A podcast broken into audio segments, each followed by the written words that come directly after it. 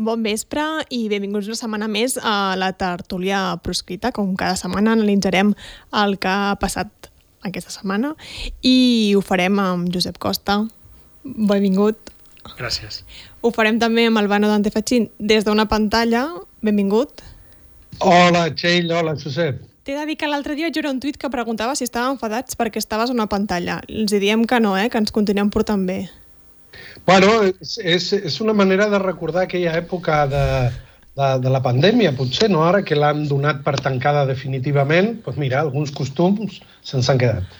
I avui tindrem bastanta gent a través de pantalla, així que, si us sembla, comencem la tertúlia proscrita.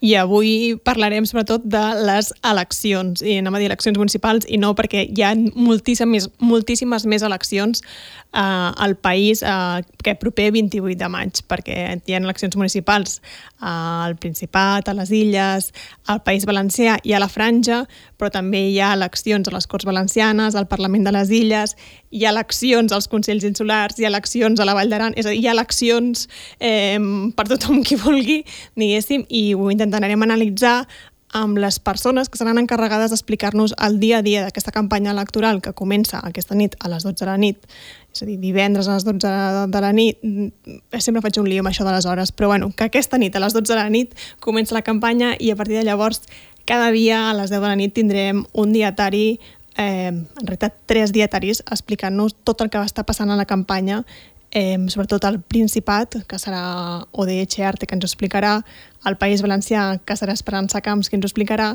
i des de les Illes, Tomeu Martí. Eh, I els tinc connectats els tres, i si us sembla, per intentar situar-nos una mica en què hi ha en joc en aquestes eleccions, eh, parlaré una mica amb tots tres eh, per intentar saber què, què, què ens hi juguem, diguéssim, aquest 28 de maig? I comencem, si us sembla, amb ODH Arte. Odei, benvinguda un, una setmana més a la tertúlia. Hola, què tal? Gràcies a vosaltres per escoltar-me una estona estava dient que estarem pendents del, del dietari, que no comencem aquesta nit, sinó a la nit de divendres, diguéssim, no? després del primer dia de campanya, però per, per analitzar una mica què, què hi ha en joc, diguéssim, al Principat en aquestes eleccions, perquè al Principat només hi ha eleccions municipals, diguéssim, per tant, potser es podria semblar que són menys importants, però sí que hi ha diverses coses en joc, diguéssim. I tant, les eleccions municipals són molt importants perquè al final estem parlant de l'administració que és més propera als ciutadans i això sempre, sempre és molt rellevant. No? A més, posa a prova la implantació territorial dels partits, que és essencial en qualsevol partit polític. En aquestes eleccions eh, està en joc la consolidació o no d'Esquerra Republicana com a principal eh, força municipalista. No? En les darreres eleccions municipals, Esquerra va guanyar per primera vegada amb vots i en regidors i hem de veure si en aquests moments es consolida com a, com a primera força o no. Això és important perquè hi ha qui diu que Esquerra en aquests moments té més poder que mai, no? perquè el trobem a la Generalitat, eh, primera força a les eleccions al Parlament, té més poder que mai segurament i alguns qüestionen que aquest poder pugui començar a davallar a partir d'ara en aquestes eleccions municipals, però és una de les qüestions que, que haurem de veure.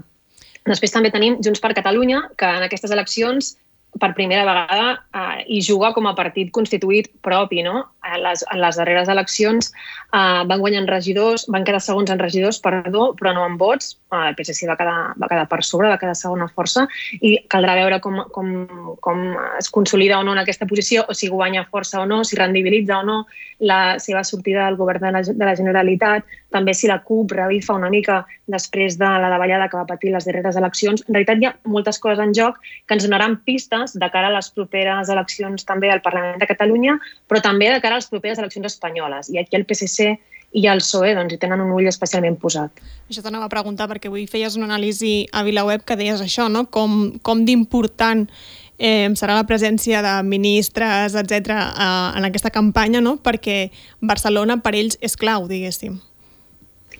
Barcelona és molt important pel, pel PSOE, segurament és un dels llocs més importants al costat de, del País Valencià i de la ciutat de Sevilla, de l'Ajuntament de Sevilla, i posaran molts esforços en aquesta campanya.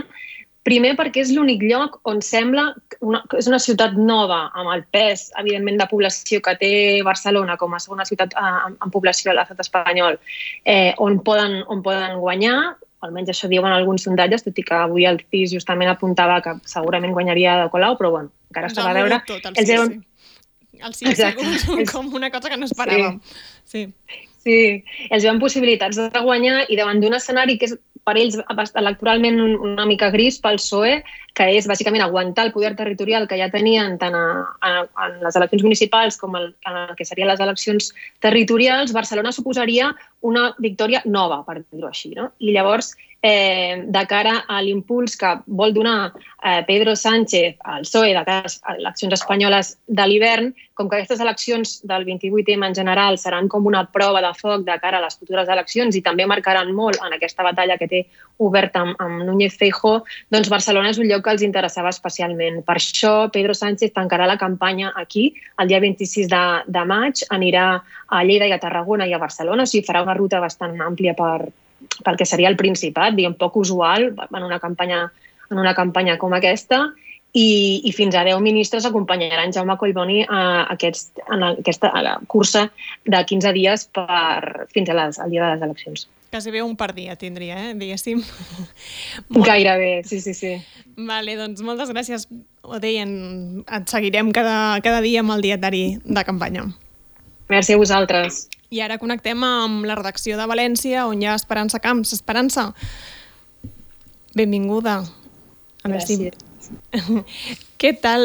Eh, com, com es preveuen aquestes eleccions al País Valencià? Perquè sembla...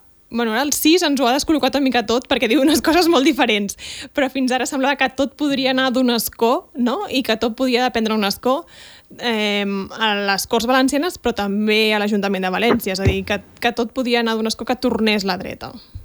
Sí, sí, sí, sí. Això que dius del CIS és de veres. Crec que, bueno, aquests dies amb els assessors i amb la gent que està en les cuines un poc dels partits polítics, crec que ningú s'esperava aquestes dades. Ja sabem tot el món la credibilitat que se li ha de donar al CIS, no?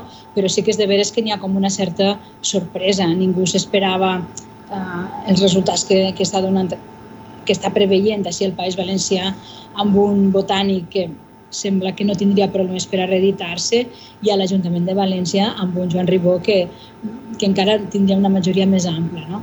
Però sí que és de veres que, que aquests dies es parlava d'això, no? de, de que semblava que estava tot molt més igualat, eh, es donava per fet que el Partit Popular seria el més votat a les Corts Valencianes, tot i que um, dependria de, del resultat de Vox per poder governar i també dependria del resultat d'Unides Podem, de si Unides Podem podia uh, sobrepassar aquell llindar del 5% que és necessari si el País Valencià per entrar a les Corts.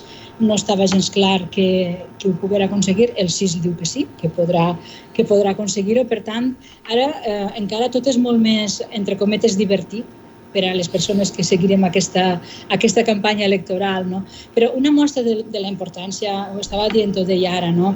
la importància que els grans partits espanyols donen, sobretot el PSOE i el PP, sí, el PP sí, en el Principat no tant, donen a la campanya electoral és la gran presència de, de ministres, no? de ministres i de, i de líders dels partits.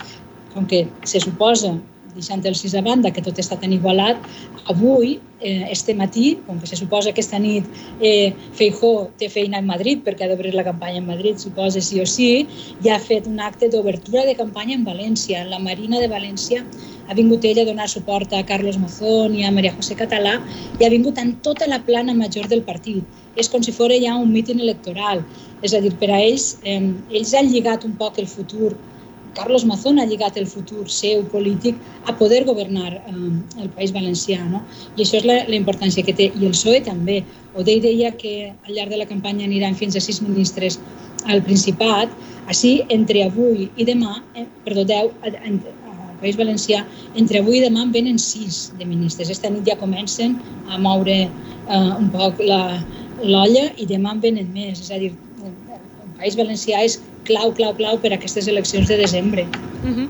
I de, parlant d'això, no, de, també de l'Ajuntament de València, que semblava que potser les esquerres també, el, també podien perdre aquesta continuar governant, no? que fins i tot que la Sandra Gómez i, i el Ribó podrien estar més lluitant per veure qui quedava primer. Eh, què creus que pot passar? Ara ja no ho sé, perquè el SIS ha baratat tot.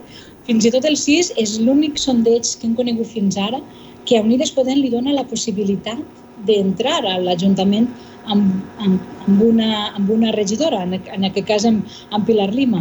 Avui matí, abans de, de que es feren públiques les dades del CIS, hem parlat, hem fet l'entrevista que publicarem demà en VilaWeb a Pilar Lima i ella mateixa eh, bueno, estava com fet aquest discurs que fan els polítics quan diuen que, que el resultat està en les urnes, eh, no estava convençuda del tot, no? i aquest resultat també els ha mig sorprès. Per tant, sí, també es, alguns sondejos donaven a Sandra Gómez per davant de Ribó i el CIS diu que no i a més a més compromís que fins ara tenia eh, 10 regidors a l'Ajuntament el CIS n'hi dona fins a 12 i el PSOE el deixa inamovible Vox sembla sí que, que puja, sembla que és cert que sí que pujarà. Ara, això sí, el CIS sí que ha, fet, eh, ha dit el que tots fa temps que diem, i és que Ciutadans desapareixerà tant de les Corts com... De tot com arreu, de tot arreu. Avui comentàvem a la redacció. Si, si és cert, eh, Ciutadans desapareix de tot arreu. Doncs moltes gràcies, Esperança. Eh, fins la pròxima. D'acord, adeu. I només ens queda una última parada, aquest cas a les Illes, i és Tomeu Martí.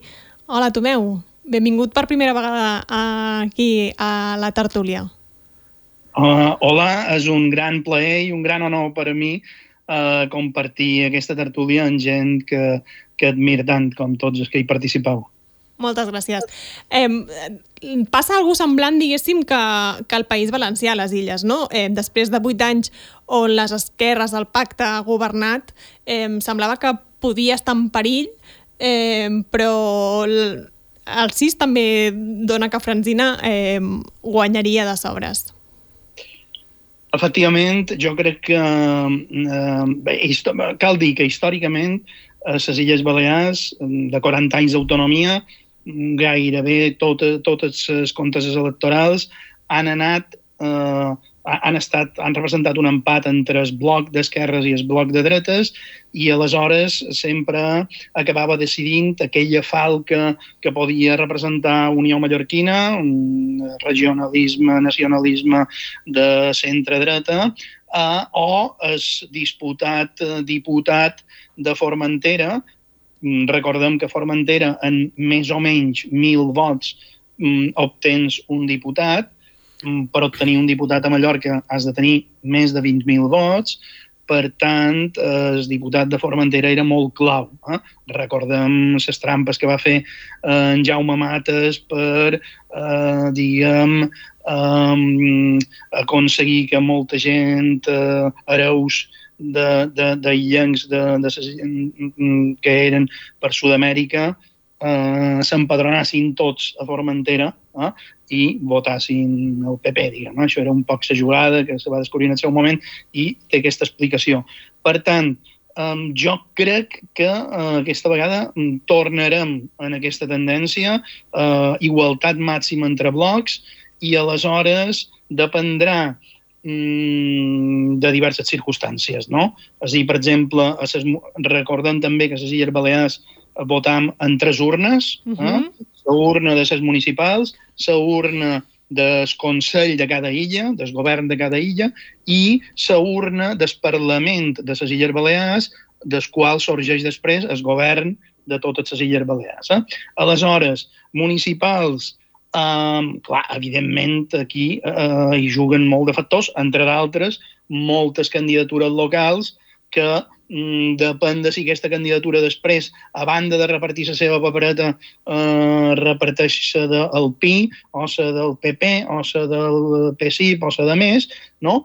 que, mm, que també poden, poden sumar o restar. No? Per tant, eh, és difícil fer pronòstics. En el cas de Palma, Uh, jo crec que l'Ajuntament de Palma és institució en què l'esquerra uh, patirà més. Eh? Uh -huh. uh, és molt, uh, jo veig bastant, bastant possible una majoria de PP i Vox, eh? uh -huh. sincerament. Uh, també molt justa, eh? però d'això. Bueno, ara... En el cas dels... Sí, sí, perdó, perdó, perdó digues, digues, el cas dels Consells. No, anava a dir, el cas dels Consells també, succintament. a Formentera. Aquí sí que ve de, de, si, de si una família va votar o no, diguem -eh? Uh, aleshores, a mi el que me diu la gent de Formentera és que guanya l'esquerra i, per tant, m'ho crec, no tinc més, més pàlpit que aquest. En el cas d'Eivissa, jo crec que se consolida la victòria de la dreta. En el cas de Menorca, eh, els inputs que m'arriben és que l'esquerra fins i tot augmenta, eh, la diferència en la dreta. I en el cas de Mallorca, jo crec que la clau és si el PI aconsegueix tenir més d'un 5% de vots o no. És a dir, si se queda amb un 4,8, amb la qual cosa um, això, um, escapa, uh, fent un esquema, um, dona la victòria a, a PP i Vox, o aconsegueix ficar aquesta falca amb un 5,2, eh?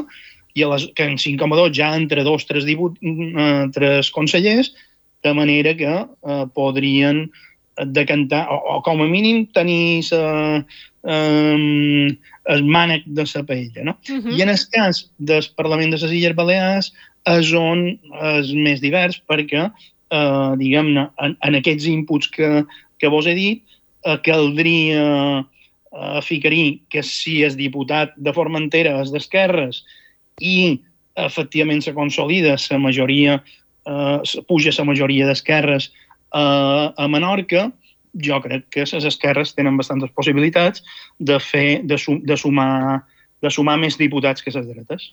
Doncs estarem pendents de què passen aquests 15 dies de campanya i sobretot què passa la nit electoral perquè fins llavors les coses eh, podem anar fent pronòstics però no seran definitives. Moltes gràcies, Tomeu.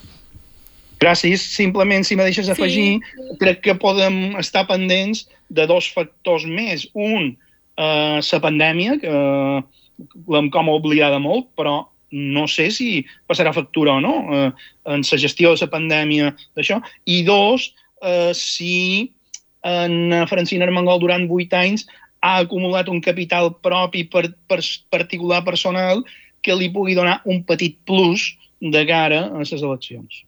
Perfecte. Doncs moltes gràcies i fins la pròxima. Gràcies. Adéu. Ara tornem aquí, tornem a la tertúlia, tornem als de sempre, diguéssim, Josep Albano. Eh, després d'aquesta repassada pel país, perquè en realitat hem repassat, hem anat a punta a punta del país quasi bé. Eh, què, nerviosos, emocionats amb aquestes eleccions? Uh, Albano, comença. Albano, que estàs nerviós, no? Em ve de gust. Ai, Albano, crec que tens el micro tancat i no t'estem sentint. Ara, ara. Ara, ara. Estic nerviós perquè abans d'entrar en matèria, vull dir una cosa. Estava escoltant aquest magnífic, aquesta repassada que sí. s'ha fet uh, amb, amb, amb ulleres de país. Sí. No? Molt interessant veure què passa al País Valencià, què passa a, a les illes. Uh, i, I crec que això és important destacar-ho abans d'entrar en, en la qüestió, en, en el contingut, el continent. No? Aquest, aquest intent d'aquesta tertúlia, que jo sé que és com una marca de la Casa de Vilagüe, però en general, d'aquesta tertúlia d'intentar obrir una mica, no? que de vegades ens, ens, uh, i crec que això té premi. Ho dic perquè tu, Txell, mm. ets, ets molt modesta, però jo ho vull dir, perquè aquesta setmana... digues, aquesta digues. setmana aquesta Ara no sé setmana, què va dir, eh? Dir. En, aqu aquesta, ho tinc aquí apuntat. Uh, en aquesta, aquesta setmana, en el rànquing d'Apple, d'Apple Podcast, sí. aquesta tertúlia uh, és la quarta més escoltada a tot l'estat per davant del País, d'Onda Cero, darrere en la COPE, eh, de la cadena SER i la primera en català. Jo crec que, tenint en compte les dificultats mediàtiques que moltes vegades hem de fer front a certs discursos, eh, crec que cal celebrar i cal que ens mirem i diguem, hosti, això que estem fent, aquesta comunitat que, que, que es genera al voltant d'aquesta trobada setmanal, jo crec que l'hem de posar en valor i, i dir, som uns quants que gaudim pensant i compartint mirada, no? O sigui que ja està, eh, volia dir això. Moltes Ara, gràcies. Entrem moltes, en matèria. Moltes gràcies i moltes gràcies a aquells que ens escolteu, que ens veieu i que ens seguiu i que ens ho feu saber, a més a més, tots. Així que moltes gràcies a tots. Eh, no, però et preguntava, Albano, emocionat per les eleccions? És a dir, perquè jo el que veig, mm, ho preguntava així irònicament, perquè el que veig més aviat és bastanta empatia, i poca, poques ganes d'aquestes eleccions, dir, que diguéssim que passin ja i que parlem d'un altre tema. Què creieu que respira l'ambient? Mira, abans estava, tenia super clar el que volia dir i ho he dit, i dit això, eh, estic absolutament perdut en aquestes eleccions. Per, perquè, mm, mira, primer, abans la Odei ho deia, ostres, la institució més propera al ciutadà, eh, és innegable que, mm, que, que, que no és igual qui governi els nostres ajuntaments. Jo crec que eh, això ho hem de reivindicar i, per tant, sembla ser que el vot l'hem de continuar eh, defensant, el, el, el vot a les municipals, la, mega, la meva amiga l'Àngels Martínez Castell sempre parla no, d'aquesta escola de democràcia que són els municipis on la gent es coneix, on, on l'activisme dels grups eh, organitzats en el poble doncs, té una repercussió que, que és bastant palpable. Tot això, tot això jo crec que és una cosa que cal cuidar, que cal, um, que cal treballar i que cal enfortir. Uh, en Fontana deia, Josep Fontana deia que les municipals ho tinc aquí apuntat, és el terreny més fàcil per poder assaltar el sistema de, eh, perquè és un lloc on els que creen opinió tenen menys importància que el contacte directe. Ara veiem que ens envien els ministres. Per què? Perquè sembla ser que en Fontana no preveia certes derives que estem veient. Tot això és la part bona, diguéssim. Ara, la realitat és terrible. I dic dos coses i, i, i m'aturo de moment. Uh, primer, la partitocràcia eh, està allà. És a dir, eh, des d'un punt de vista individual, tots sabem que dintre de les estructures de partit, les eleccions eh, municipals i la política municipal és una màquina d'aprendre a grimpar dintre de les estructures de partit, sinó que li preguntin a Montilla, eh, que va començar de regidor al Baix Llobregat, i mira'l, encara està allà, i després a, a, a la partitocràcia a nivell col·lectiu. Eh, les màquines dels partits intentant doncs, les prebendes, les diputacions, els assessors, la quantitat de col·locats que hi ha. Llavors és aquest contrapès. I per últim, i ara sí que acabo, hi ha una altra cosa que a mi importa perdut, i és la part específicament catalana de tot plegat, de país. Uh, després en parlarem, però també veig que, que la cosa no pinta bé. Deixem parlar el, el Josep, que portem 22 minuts i l'Aleix em deia el Josep només ha dit hola. Bé, no, L'Albano poc, molt poc més, eh, l'Albano. Eh, aquest, aquest repàs i efectivament uh, són unes eleccions que tenen moltes novetats uh, en, el, en el panorama, no? Hem de recordar que les últimes uh, eleccions municipals i, i, de, i el Parlament de les Illes i el, les Corts Valencianes estan parlant de quan Ciutadans encara existia. Uh mhm. -huh. És a dir, quan Ciutadans encara era eh, un partit que tenia aspiracions de liderar la dreta espanyola, no? Eh, I que en el Parlament de les Illes i en les Corts Valencianes tenia una, un senyal d'identitat eh, principal que era l'anticatalanisme. Ja no l'espanyolisme o les ideologies de dretes, sinó que era l'anticatalanisme, no? que eh, es caracteritzaven bàsicament per parlar més dels països catalans que ningú. eh, en contra, evidentment. Però, eh, i per tant, estem en un cicle molt diferent. És un cicle que segurament eh, hi ha una certa reviscolada del bipartidisme, per això el PSOE eh, té aspiracions de guanyar a tot arreu, perquè ara té la presidència del País Valencià, té la presidència de les Illes, i aquí el Principat, que només es juga, el més important que juga és l'alcaldia de Barcelona, també eh, aspiren a guanyar-la, no?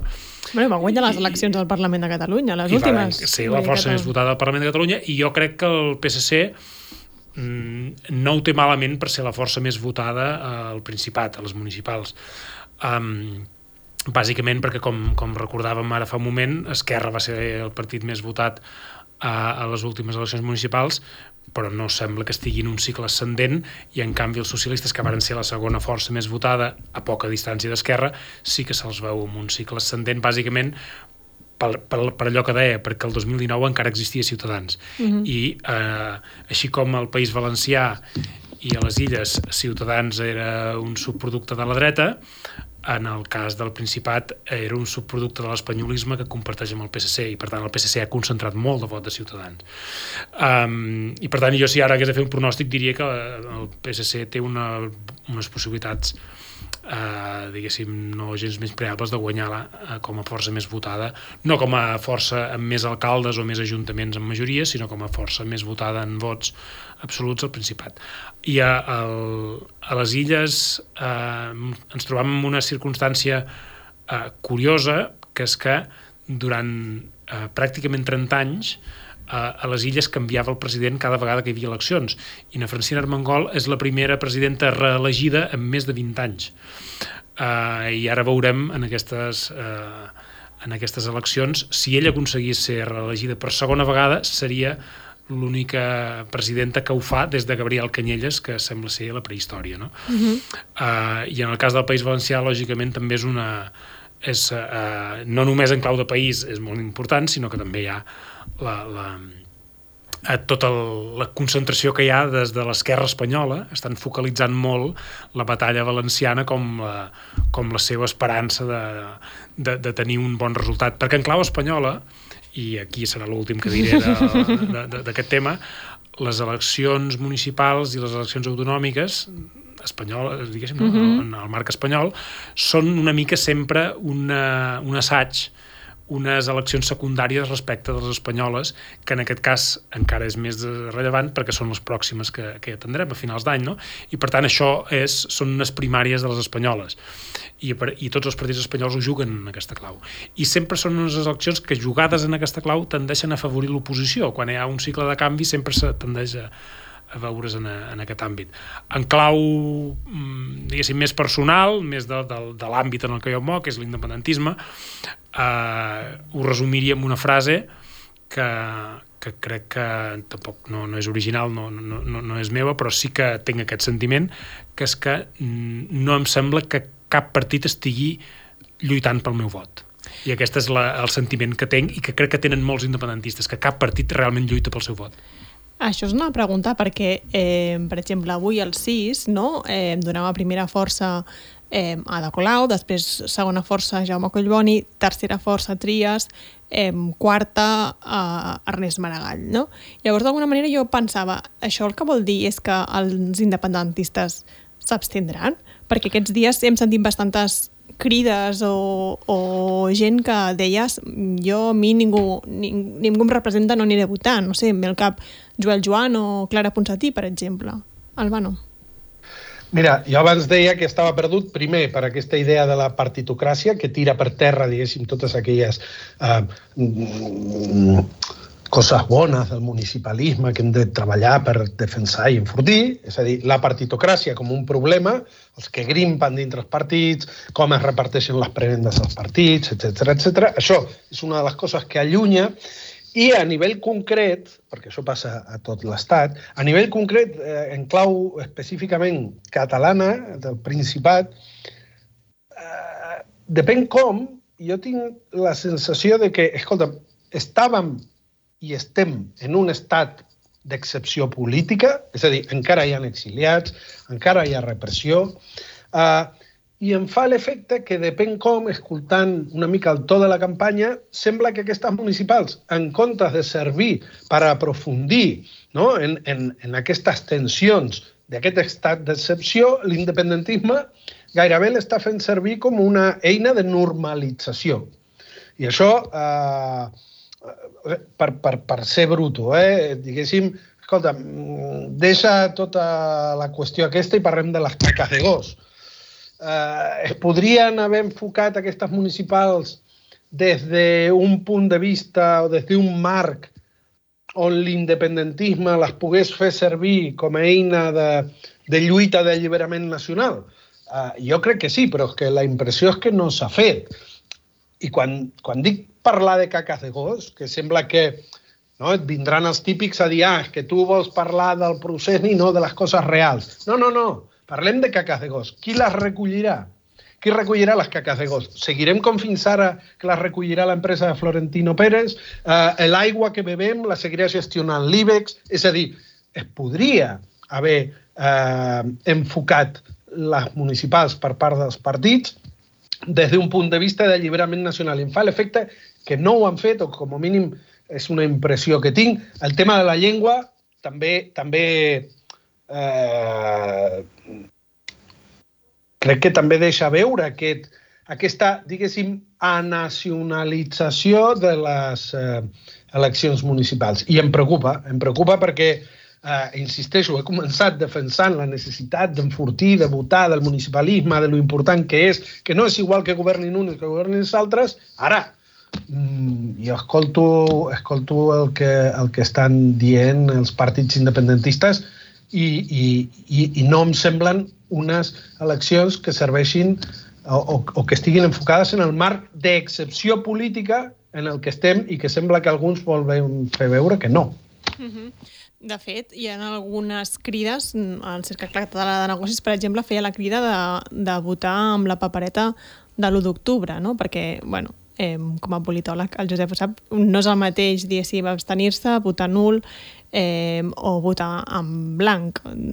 Té un efecte diferent, diguéssim, a les eleccions. Sí, no, eh, són tot vots d'alguna manera de protesta, vots de, de, de càstig o expressions polítiques de disconformitat amb les opcions que es presenten, mm, però tenen una certa, un cert vessant estratègic. Jo crec que el, el, el, aquests vots, el, el que realment seria diferent, o és a dir, tindrien efectes diferents si fossin massius, és a dir, són uh, de moment, diguéssim, en les variables que estem acostumats, de que és un 1% de vots en blanc, un 2% de vots nuls, o al revés, uh, i l'abstenció activa no sabem quina és, perquè, evidentment, l'abstenció mm. apàtica és la més uh, dominant. Uh, jo crec que uh, uh, són campanyes, diguéssim, que, que mereixen tot el respecte, però que, que no hi ha el mateix, la mateixa discussió de sobre quina és millor l'opció i que es vagi repartint entre diferents eh, eh, no? que la gent es reparteixi potser parts iguales entre totes les opcions fa que no sigui un moviment cohesionat o que no tingui un missatge cohesionat que després es pugui llegir el dia de les eleccions eh, eh, jo sóc més de la idea de, de, de protestar durant quatre anys i el dia de les eleccions prendre el poder.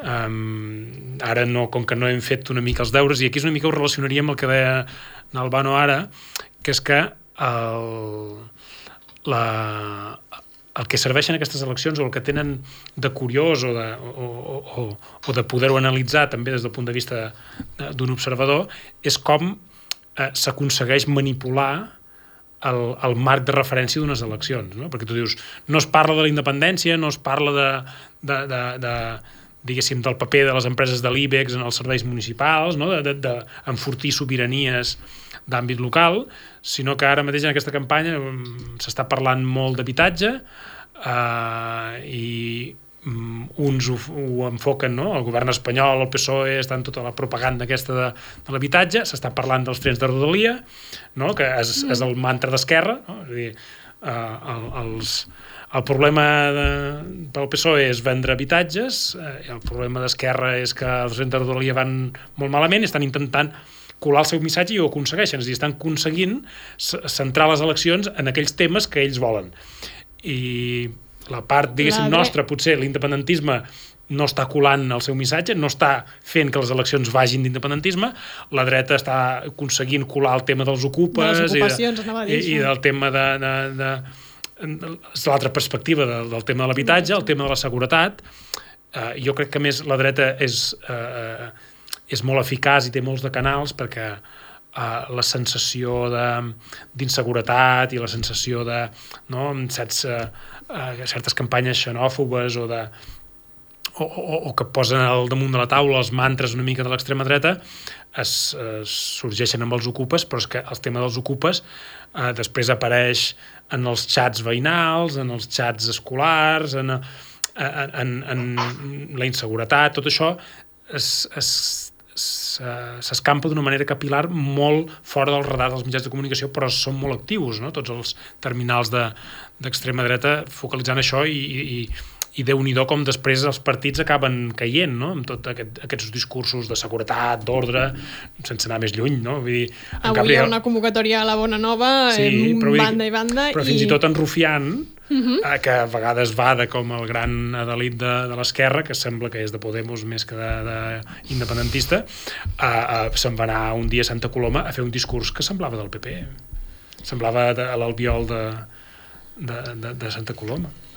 Uh, mira, uh, fixa't, l'altre dia algú feia una reflexió de dir ostres, si l'independentisme no és capaç de parlar d'independentisme en les municipals i al final acabem parlant mm, d'uns ocupes o de que si hi ha una inseguretat, fins i tot de l'habitatge. O sigui, òbviament que són problemes que preocupen i són problemes que s'han d'atendre, però parlem d'habitatge.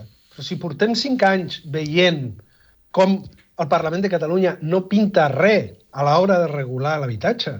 O sigui, eh, eh, cada cop que surt Ada Colau o el PSOE o, o Collboni o inclús Esquerra a parlar d'habitatge, eh, hauríem de ser capaços de dir però què, què, què, què ens esteu explicant? Però quines mentides esteu fent? I no dic que a nivell municipal no hi hagin algunes eines. Però els municipis d'un país ocupat són uns municipis ocupats. I, i, i, i l'independent... Eh, eh, em, em, em genera... És a dir, òbviament que el PSC i els comuns, i òbviament el Partit Popular i tal, eh, doncs no tenen ganes d'enfocar aquestes eleccions com a país, perquè al final són els municipis del país, perquè no les enfoquen com a país i, aquí la següent cosa que jo voldria veure. No les enfocaran com a país fins que taquin les urnes i comencin a sortir els resultats, perquè llavors sí que les començaran a llegir com a país. I aquí vindrà el problema, i aquí és el que també jo deia al principi de que vaig perdut, faré una petita confessió. Al meu poble, eh, ho dic perquè sempre critico Esquerra, però és que al meu poble Esquerra ho fa molt bé i, eh, i, i són gent en, en general, en els pobles petits, tothom que es posa i dius, hòstia, dediquen temps del seu dia a dia i tal, és gent cal lluar això, però en aquest cas concret dius, escolta, mm, potser premio aquesta gestió i dic, va, vaig a votar a Esquerra en clau del meu poble, no? de no, no votem els partits i tal. A les 10 de la nit em trobaré a Rufián amb el meu vot comptant-lo com un aval a la seva política de pacte amb els Borbons, perquè estan pactant amb els Borbons, això ja ho hem parlat un altre dia. El meu vot a la bona gent d'esquerra del meu poble que està fent una bona feina serà comptat com a aval de la rendició i sortirà Junqueras i Gabriel Rufián dient veieu com cal rendir-se i llepar-li les botes al PSOE? O, si jo votés a Barcelona i volgués votar en Tries, això voldria dir que a les 10 de la nit sortiran els pedecàters i els convergents que també volen pactar amb l'Estat a, a comptar el meu vot dintre de la seva estratègia de país, i aquí és el que... Lo que i, I per això el PSOE envia ministres també, perquè aquí s'està jugant el país. Bé, eh, sembla ser que l'unionisme ho ha entès i l'independentisme no. Jo, jo crec que això el que es veurà molt és que eh, aquest discurs el faran si els hi va bé i no el faran si els hi va malament. És a dir, és així de senzill. Els partits que tinguin bons resultats faran lectures en clau nacional de la seva nació, la que sigui, i eh, els partits que els hi vagi malament diran que això només són coses és locals. És el candidat d'aquí. Només és el candidat local. I, i, i bé, després eh, hi ha molts factors que, que, que, que també són rellevants. El, el, el país eh, valencià i a les illes hi ha en joc el mateix de sempre, perquè eh, hi ha una cosa que no ha passat mai encara, que és eh, tenir un govern del PP des de que existeix Vox. Uh -huh. eh? Mhm. És a dir, des de que existeix Vox, eh, només ha governat el PSOE, al País Valencià i a, la, i a les Illes eh, tenim aquesta variable, que és que ens podem trobar, en què Vox, per primera vegada, des de que existeix, eh, pugui entrar en un Les govern eh, del País Valencià o pugui entrar en un govern de les Illes Balears eh, o pugui condicionar-lo fortament amb, amb l'odi visceral anticatalà que representen. Per tant, això crec que és un perill real, és un risc real, no sé si això realment està en la ment del, dels votants, no sé si aquesta és la preocupació, perquè quan, clar, quan governes, eh, i quan governen els pactes de progrés, no, el botànic o el pacte de progrés de, de les illes, això fa que el, la gent sigui crítica, que es desmobilitzi, que pensi que no fan prou, sobretot la gent més, més progressista o més catalanista està més desanimada perquè no ho fan bé, i a vegades baixen la guàrdia davant l'extrema dreta o la dreta que pugui representar el PP. Aquí hi ha això en joc, que és molt important. Uh, en el cas de, no, que dèiem de, del Principat, hi ha una mica el pas, no, el tema de, de la gestió que ha fet Esquerra, perquè abans deia que aquestes eleccions solen ser propícies eh, per l'oposició o solen ser, eh, solen ser difícils per la gent que governa. Per tant, Esquerra, que està governant en solitari, es pot trobar perfectament un vot de càstig en aquestes eleccions eh, per les raons que deia en Albano ara, no? És a dir, que hi ha gent que potser té un alcalde d'Esquerra que, que el votaria, però que les sigles en si eh, no li ve de gust votar-les. Per això, entre moltes altres coses, crec que per primera vegada la majoria de candidats municipals d'Esquerra no es presenten per Esquerra, sinó que amaguen les sigles darrere... Bueno, darrere no uh, només Esquerra, eh? Tries també amaga les sigles. Uh, sí, no, no, Tries les amaga uh, uh, per, per, per les mateixes raons, diguéssim, de que no vol que se'ls associï amb, el, mm -hmm. amb el que és... Uh, amb el que és Junts i tot el, tot el que representa. Però mm, a nivell local eh, desconec si han, si han fet, si ho han fet més enllà, diguéssim, de, de Barcelona, que a veure, que tampoc sí que jo no sé si realment sí enganyen a ningú, no? No, no, és una cosa que, mira, eh, l'Àlex Solano de Vilaweb va fer un tema mm. eh, que parlava això de les sigles, que hi ha, darrere aquestes sigles quins partits hi havia, no? Mm. Perquè realment és una estratègia sí. que fan arreu del, arreu del, de fet, del qui país. més les amagues el PSC, em sembla que vaig Sí. llegir en aquest article. Eh? Sí, correcte. Mm. Correcte, correcte. Eh, Ah, això jo- anava... Perdó, Albano, anava a preguntar justament això. El fet de que hi ha aquesta por de que vingui l'extrema dreta, que vingui la dreta, potser fa que malgrat que hi ha, descu... hi ha molta gent enfadada, per exemple, amb compromís al País Valencià, no? perquè representava que havia de ser qui més defensava la llengua i a l'escola més aviat ha sigut el contrari, per desgràcia. No? Llavors, malgrat aquesta... estar enfadats amb això, segurament aquesta gent estarà més mobilitzada per aquesta por que vingui la dreta i l'extrema dreta en Vox i això, en canvi, aquí al, al Principat no, no passa. Jo crec que el, el, els, els debats, eh, és el que deia abans, que els debats eh, de l'agenda no, pública, de la campanya pública, no són aquests. I, i tampoc mm. el, el País Valencià o les Illes, la gent està ara fent aquest discurs de no, ostres, que vendrà Vox, ostres, que vendrà Vox. La gent, es, mm, quan estàs governant, et demana comptes de què has fet i què faràs, tu. No que ara tu digui que, que tu intentis, perquè això és un, és una estratègia massa comuna, per, per desgràcia, que és que tu no has fet res, tu no has fet allò que et havies compromès a fer, digue-li la llengua al País Valencià en el cas de compromís o digue-li la independència en el cas d'Esquerra al Principat i l'únic discurs que saps fer, o en el cas d'Ada Colau a Vindrà Barcelona, Trias, que sí. evidentment si alguna cosa havia promès era Habitatge. habitatge i el que ha fet eh, és que no hi hagi habitatge a Barcelona i que sigui un caos tot, Uh, I el, el, el, en canvi, mm, només tens la, la por uh, que venen els altres per defensar el que la gent et torni a votar. No? Que, que, crec que és, la, és, és la, el que deia abans, el factor de que mm, molts no ens sentim interpel·lats de que realment ningú estigui lluitant pel nostre vot, que estigui proposant coses que ens motivin a anar-los a votar. Mm. Albano. Sí, um, primer que efectivament aquest xantatge és molt vell i, i, eh, i fi, fixeu-vos a França eh, amb aquest cop d'autoritarisme de Macron eh, que al final el, quan veiem a, a França la pujada de la ultradreta pues, és responsabilitat de gent com Macron i també d'altres, no? Però, per exemple, quan tanta gent va, va fer l'acte diguéssim, de responsabilitat d'anar a votar a Macron perquè no surti Le Pen i després resulta que Macron et matxaca, pues, quan tu fas l'acte de responsabilitat d'anar a votar no sé qui perquè no vingui Vox i després aquell no sé qui uh, mira cap a un altre costat mentre t'està reprimint, contracta empreses de l'IBEX, passa de la llengua, etc etc. pues, al final són col·laboradors, potser no, no actius, però és que al final són el motor del creixement de l'extrema dreta.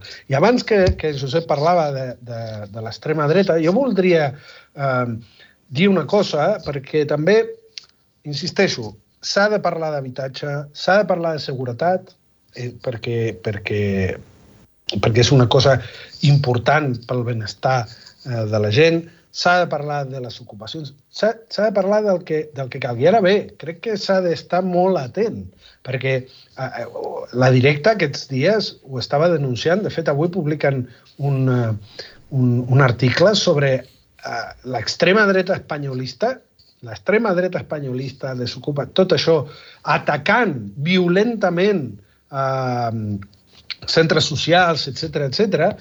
Uh, de vegades penso que so, estan sent molt llestos a l'hora de, de, de llegir aquestes municipals en clau de país. Ells sí. Per què?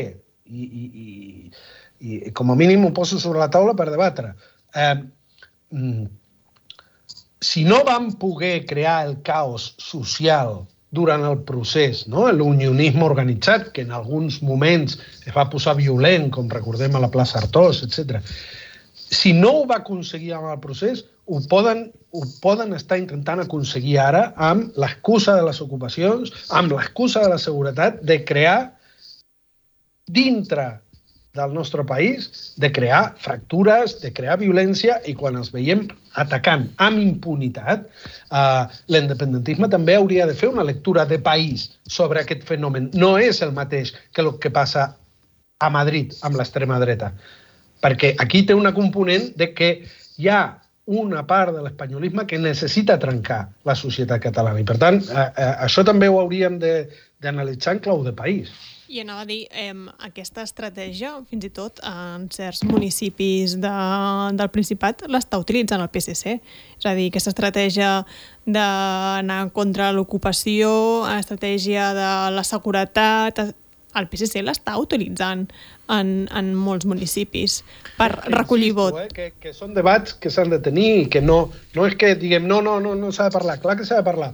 Ara, no, no siguem tan ingenus de pensar que l'espanyolisme no farà servir això com faran servir el que calgui per trencar l'estructura de la societat catalana i, i l'independentisme em sembla que tampoc està sabent llegir això.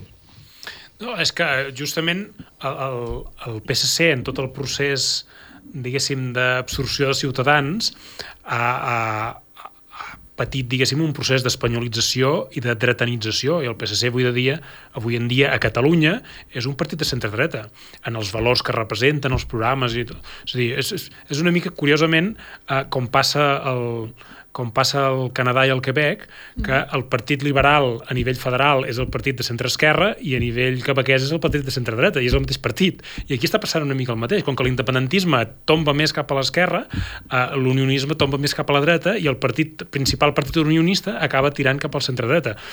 I, i, I això és el que passa.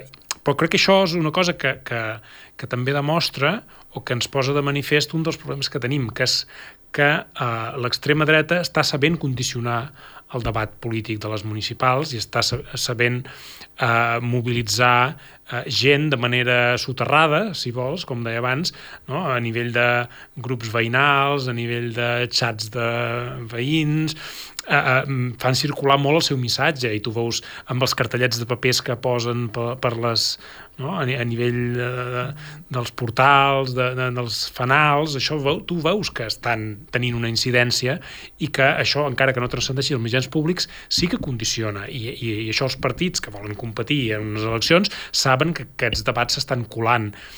I, i aquesta és la part que, que a mi em sap greu eh, com, a, com a independentista i, i veient que l'independentisme no sap en aquests moments eh, després de liderar i de condicionar de manera, diguéssim, pràcticament militar, no? de, de manera eh, estricta, l'agenda política, fins al punt de que els que no eren independentistes estaven asfixiats de dir que no es parla de res més que la independència, encara que després ells es passaven tot el dia despotricant de la independència.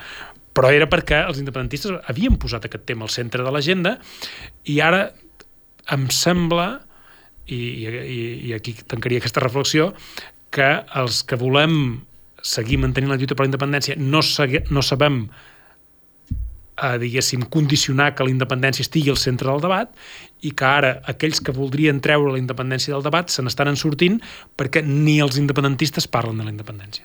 Mm -hmm. Ens queden 10 minuts de tertúlia i jo volia aprofitar... Aquell tall, aquell tall que acaba de fer en Costa també a Twitter directe, eh? Per... Vale, m'apunto, Albano, m'apunto.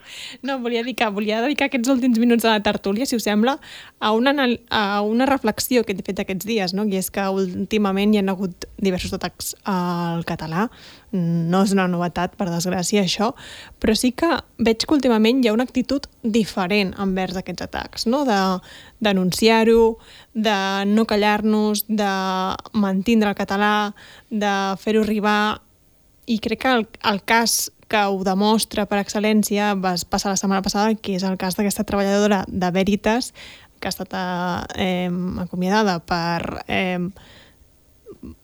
per mantenir-se parlant català i, i, i com ho ha fet i com ho ha gestionat i com ho ha explicat. No? Crec que això fa uns anys potser hagués costat molt més.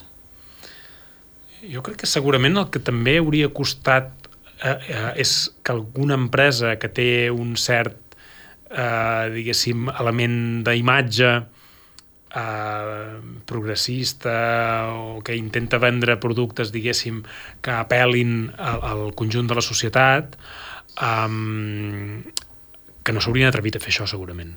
Aquesta és, jo crec que la part negativa és aquesta. Bueno, Veritas que... fa anys que, que Plataforma denuncia coses de Veritas, t'he de dir, eh? Vull dir que, que no que no, les etiquetatge no està en català, etc. no? I sí. Veritas fa anys que ho denuncia. Però malgrat aquestes denúncies, eh, la Conselleria d'Empresa els hi dona un premi. Sí, sí, per això que, que, que crec que aquesta vegada potser el... A veure, també és un cas extrem, segurament, no? Però que el boicot potser serà més, més real, no?, que altres vegades. Jo crec que és, és indiscutible que hi ha un, comença a haver-hi una resposta perquè hem, perquè hem reculat bastant. És a dir, abans mmm, no s'atrevien a fer segons quines coses les empreses, no? És a dir, mm, no, no, ningú s'atrevia des d'un punt de vista d'imatge pública, de màrqueting, d'això, de menys tenir el català.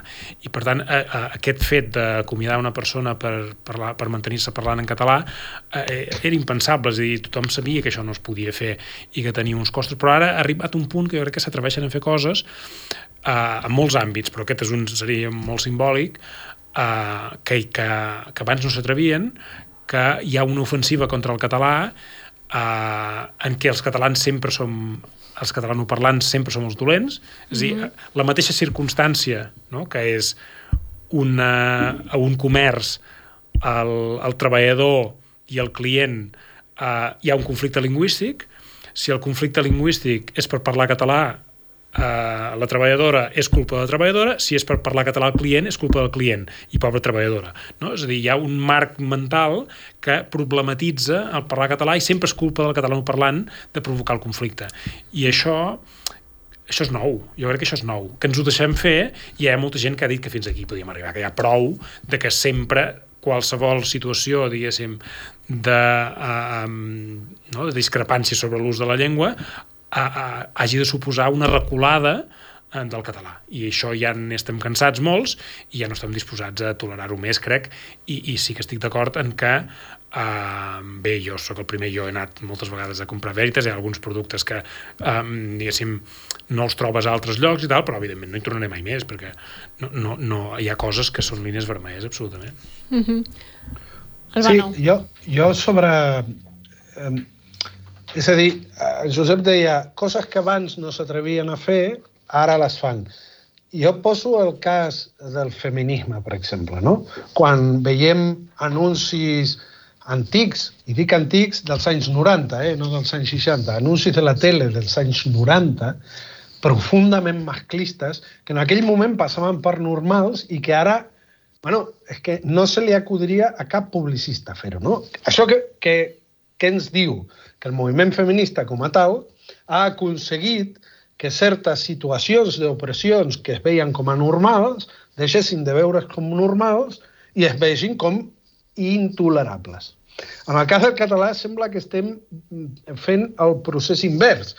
És a dir, eh, mm, coses que, que, que estaven guanyant, que, que abans no s'haguessin ni pensat com discriminar la llengua en certs àmbits, doncs ara pues, eh, hi ha tota una sèrie de vectors polítics que veuen que sí, que, oye, que tampoc passa res per petar-se el català, per mancar el respecte, per no defensar i tal. Això va des d'una part de la ciutadania, una part de l'estructura política i una part també del propi independentisme o catalanisme, en el sentit ampli, de la seva por a l'hora de defensar. I crec que té a veure amb la ressaca de... Vull dir, normalment et diuen, no, és que com, eh, el català ha de ser simpàtic, no? El català no ha de ser simpàtic, però sembla ser que com que l'estat espanyol el català sempre l'ha vist com una part de, de la seva impossibilitat de dominar totalment eh, Catalunya, pues, quan està en una fase expansiva de domini, quan recordem, perquè és que sembla que ens oblidem, que estem com estem, l'últim acte polític, diguéssim, per part de l'estat espanyol ha sigut enviar un munt de gent armada a picar gent desarmada. Llavors, això, això continua, això no va ser una cosa que va passar un dia, és una dinàmica. I aquest envalentonament, aquesta pèrdua de respecte, aquesta, eh, diguéssim, espanyoli, espanyolisme exaltat catalanòfob, doncs està envalentonat, però està envalentonat perquè l'1 d'octubre va passar el que va passar i continua perquè el rei va donar suport, etc etc etc. I de la mateixa manera que abans deia que l'independentisme no sap plantejar l'independentisme de partit, diguéssim. No sap plantejar ni les municipals, ni, ni, pues tampoc està sabent representar aquest problema que pateix eh, que pateixen els catalans i que, per tant, pues, eh, com tu deies, Txell, pues, al final la gent, diguéssim, està actuant, pues, ha quedat desemparada, però no deixa de lluitar pels drets. Ara, anem contra veritat, però arribarà el moment que aquest independentisme partidari li haurem d'exigir eh, posar-se les piles, no? No, hi ha coses que passen en el marc institucional que són noves, no? És a dir, eh, durant 30 anys llargs el PSC no parlava mai en castellà al Parlament. Eh, durant 30 anys llargs era impensable que l'alcalde de Barcelona, encara que fos del PSC, parlés castellà, com fan a de Colau.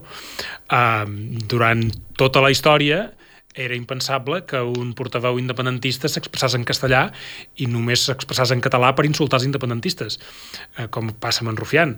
Per tant, diguéssim, passen coses eh, que també eh, són simptomàtiques, no?